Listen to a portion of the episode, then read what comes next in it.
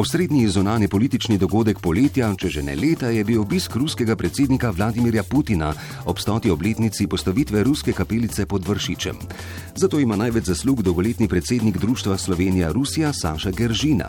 Košarkar Jaka Lakovič je tudi uradno končal svojo igralsko kariero in se seli na trenersko klop. Ime tedna pa je postal Boban Milunovič, ključni mož festivala Metal Days, danes enega najbolj prepoznavnih slovenskih festivalov v svetu.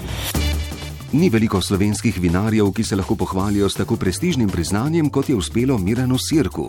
Ta je na najbolj cenjenem vinskem ocenjevanju Decanter 2016 v Londonu v konkurenci 16 tisoč vzorcev za penino Bjana Brudzero prejel platinasto priznanje. Mladi pianist Nate Skamplet je zmagal na mednarodnem klavirskem tekmovanju Euregio. Drugo avgustovsko ime pa je postal Walter Zakrajšek, ki je vodil zahtevno reševalno akcijo pri Tolminu, kjer se je na globini 200 metrov ponesrečil angliški jamar. Po prvem tednu olimpijskih iger v Riju težav z izbiro kandidatov nismo imeli. Tina Trstenjak, Ana Marija Velenšek in Peter Kauzer so bili kandidati za ime tedna.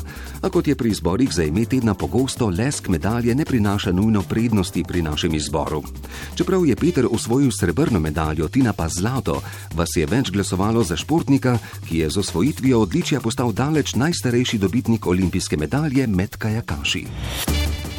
Na Sarajevskem filmskem festivalu je film Meje režiserja Damjana Kozoleta prejel posebno priznanje za človekove pravice.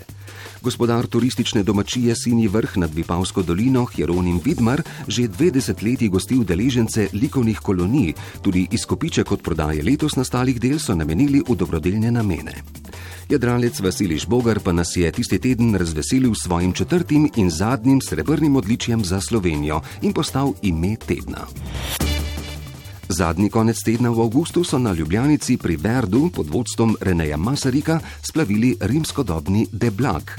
Najuspešnejši slovenski trener vseh časov Marjan Fabian je držal obljubo in zaradi medalje Ana Marija Velenšek peš romal na Brezje. Za zadnje avgustovsko ime tedna in tudi meseca pa sta izbrali Petra Uraniča in Klemna Balažica, ki sta brez pomislekov zabredla v reko Savo pri Kranju, potegnila iz nje negibnega človeka ter mu tako rešila življenje. Ime leta.